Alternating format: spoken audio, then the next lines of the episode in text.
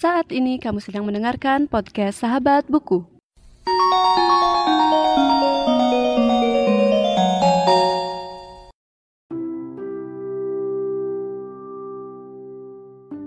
Halo semuanya dan selamat datang kembali di podcast Sahabat Buku. Bagi kamu yang baru pertama kali mendengarkan podcast ini, podcast Sahabat Buku adalah sebuah podcast yang membahas review buku dan pengalamanku saat membaca buku. Di episode kali ini, aku akan membahas sebuah buku berjudul Laut Bercerita yang merupakan karya dari Leila Eskudori yang diterbitkan oleh penerbit KPG atau Kepustakaan Populer Gramedia. Laut Bercerita merupakan sebuah novel fiksi sejarah yang menceritakan dua orang tokoh utama yaitu Biru Laut dan Asmara Jati.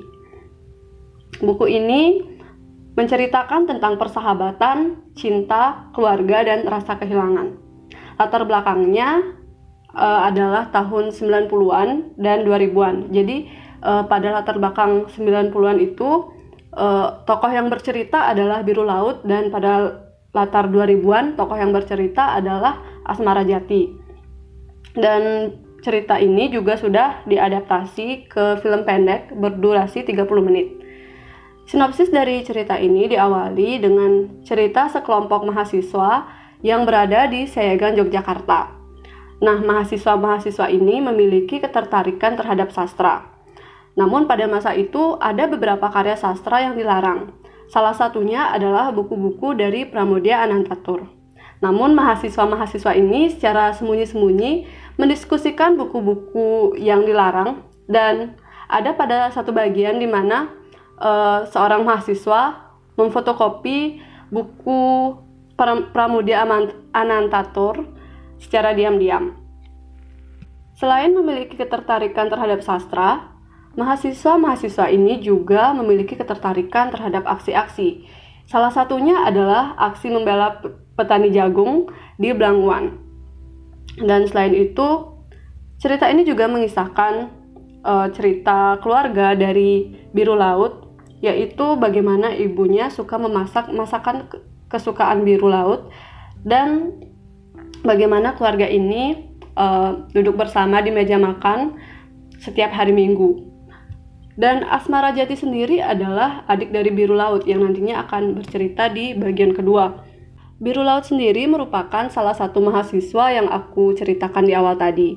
Nah, selain Biru Laut, ada beberapa tokoh mahasiswa juga yang diceritakan dalam buku ini, seperti Alex, Sunu, Naratama, Kinan, Daniel, dan Anjani. Nah, Anjani sendiri merupakan pacar dari Biru Laut.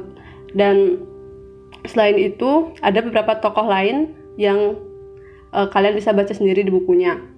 Secara singkat, bisa dikatakan uh, buku ini menceritakan persahabatan para mahasiswa yang uh, yang tadinya tertarik dengan uh, sastra dan juga melakukan berbagai macam aksi dan bagaimana mereka menyusun strategi saat mereka dikejar-kejar oleh Intel. Dan kisah cintanya merupakan kisah cinta uh, tokoh utama yaitu Biru Laut dan seorang tokoh bernama Anjani. Dan kisah tentang keluarga um, bisa dibilang sebagian besar menceritakan bagaimana kehidupan keluarga Biru Laut dan Asmara Jati.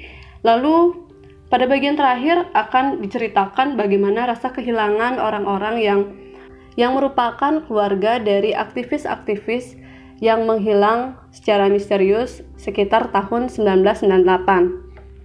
Dan pada bagian tersebut diceritakan oleh adik dari Biru Laut yaitu Asmara Jati di mana menceritakan tentang pencarian eh, aktivis-aktivis uh, yang hilang termasuk si Biru Laut Biru Laut tersendiri.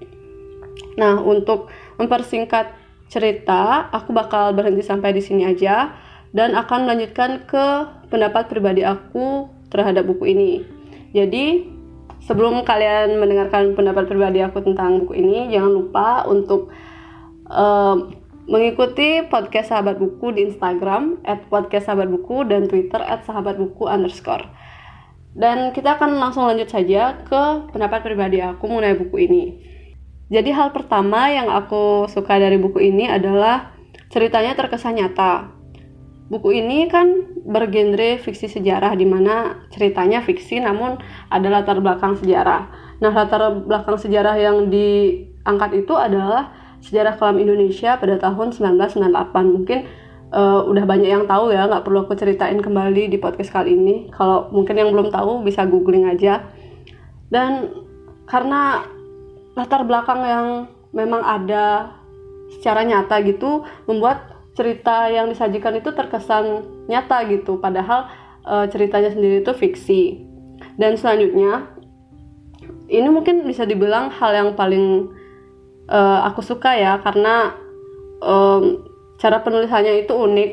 Ada dua sudut pandang dan alurnya itu campuran. Jadi yang pertama diceritakan oleh uh, biru laut dan yang selanjutnya diceritakan oleh asmara jati. Dan pada saat um, dari awal itu memang seperti bisa dibilang kayak perbabnya itu uh, setting tahunnya itu berbeda-beda. Anggapannya kayak di bab satu mungkin diceritakan pada tahun 1991 dan di bab kedua tuh langsung loncat gitu ke tahun 1998 gitu. Aku nggak terlalu ingat sih tapi uh, pokoknya loncat-loncat gitu kayak masih benang kusut terus nanti diulur di ending cerita gitu di akhir cerita. Terus selain itu juga deskripsi yang digunakan dalam kepenulisannya menurut aku e, bisa dibilang mendalam. Jadi deskripsi yang digunakan itu bisa ngebuat pembaca aku sebagai pembaca e, jadi bisa memvisualisasikan keadaan dari satu setting itu lebih nyata gitu. Semacam ada bagian di pertemuan kayak satu keluarga gitu. Kayak seakan nyata banget aku bener-bener bisa bayangin sampai ngerasain gitu. Ya mungkin istilahnya kayak baper gitu ya.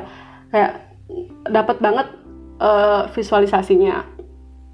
Dan yang terakhir mungkin ini bagian yang sedikit kelam karena menurut aku pada saat bagian yang diceritakan oleh biru laut itu ada bagian yang uh, mungkin ini agak spoiler tapi ya ini pendapat aku sih ya.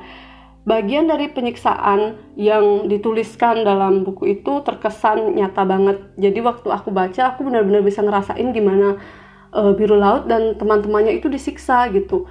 Kayak uh, anggapannya kayak gimana rasanya dipukul kamu nggak bisa kayak nggak bisa ngelawan itu benar-benar kayak dapet banget sih feelnya dan mungkin sekian dulu untuk uh, review buku kali ini. Jika kamu udah baca bukunya dan pengen share juga uh, pendapat kamu tentang buku ini, bisa komen di YouTube atau komen di postingan Instagram atau juga mention aja di Twitter podcast sahabat buku dan sampaikan di kolom komentar itu.